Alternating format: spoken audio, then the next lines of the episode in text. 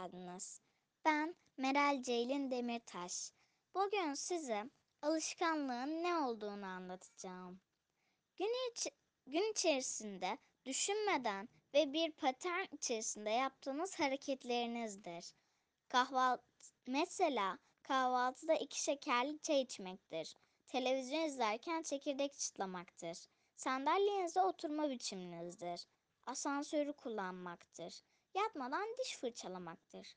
Yüksek ihtimalle şu anda bu, bu satırları okuyor olma sebebinizdir. Davranışlarınızın yüzde ellisi alışkanlıklarınız oluşturur. Bugün bir şeyi yapıyorsanız yüksek ihtimalle dün de yaptınız. Daha önce de yaptığınız ve bundan sonra da yapmaya devam edeceksiniz. Alışkanlığı alışkanlık yapan nedir? Alışkanlık oluşması için gerekli süre ne kadardır? Sağlıklı beslenme ve spor yapma alışkanlık olabilir mi? Hangi davranışları alışkanlıktan yaptığınızı nasıl anlarsınız? Belki duymuşsunuzdur. Yeni bir alışkanlık oluşturmak için 30 gün gerekiyor diye. 20 gün diye ya da 40 gün diyenler de var. Bu yanlış bir bilgi. Eğer kahvaltıdan sonra bir bardak su içmek istiyorsanız 20 gün bu alışkanlığı oturtmak için yeterli şanslısınız. Eğer su değil, meyve yemek istiyorsanız 40 gün ge- ge- gerekli.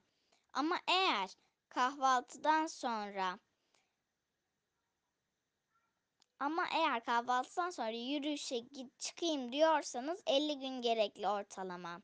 Yani gördüğünüz gibi edinmek istediğiniz alışkanlık güç güçleştikçe oturmak için gereken gün miktarı da artıyor.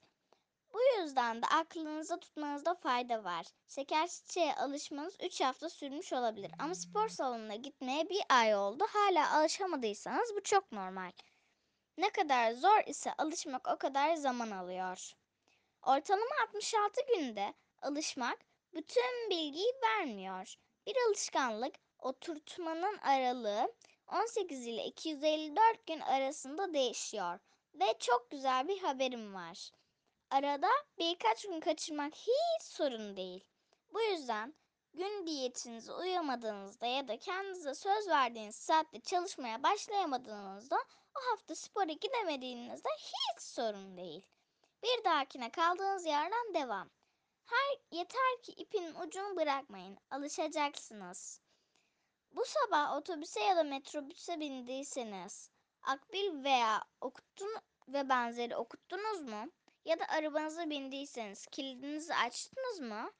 Emin misiniz? Arabanıza binebildiğinize göre ya da otobüs şoförü sizi uyarmadığına göre yapmış olmasın, yapmış olmalısınız. Ama siz yaptığınızı hatırlamıyorsunuz. O anı düşünün. Sabah ne yaptığınızı hatırlıyor musunuz?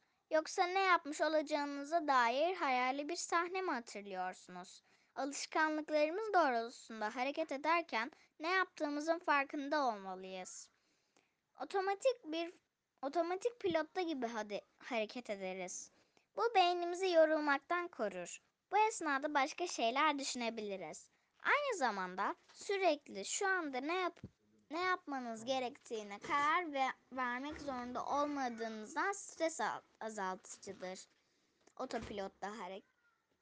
Yani aslında beynimizin bize sunduğu iyi bir özelliktir ama kötü yanları da var. Fark etmeden Facebook karşısında 45 dakika geçirmenize neden olur.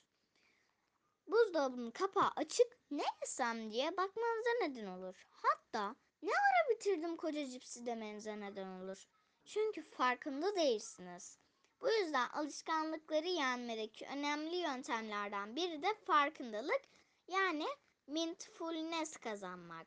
Alışkanlıklar doğrultusunda hareket etmenin bir diğer özelliği ise duygusuz olmalıdır.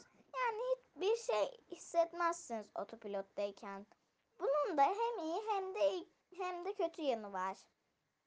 Robot gibi her şeyi yapmanın, bir şey yapmanın iyi yanı spora gitmeye alışkan alıştığınızda ya da telefonunuza 5 dakika bir bakmadan çalış 5 dakikada bir bakmadan çalışmaya alıştığınızda Artık o rahatsız edici hisler olmayacak demek. Spora gitmeye üşenmeyeceksiniz. Telefonunuza bakmadığınız diye huzursuz etme- hissetmeyeceksiniz. Ama kötü yanı da kendinizi mutlu etmek için 5 ay önce yediğiniz dondurma artık alışkanlığa dönüştü. Ve kendinizi kötü hissettiğinizde dondurmaya saldırıyorsunuz. Ve artık mutlu oluyorsunuz. Ve artık mutlu olmuyorsunuz. Sadece alışkanlıklardan yiyorsunuz. Hem kilolar geliyor hem mutluluk gelmiyor. Bir dahaki sefere kendinizi alışkanlıklardan istemediğiniz bir şey yaparken yakalandığınızda hislerinize dönün bakın. Sorun kendinize. Ben bunu neden yapıyorum? Ben bundan keyif alıyor muyum? Şu anda ne hissediyorum? Belki kulağınıza böyle sorular komik geliyordur ama şimdi ama göreceksiniz. Yeni beyin ve eski beyin iyi iletişim kurmuyor.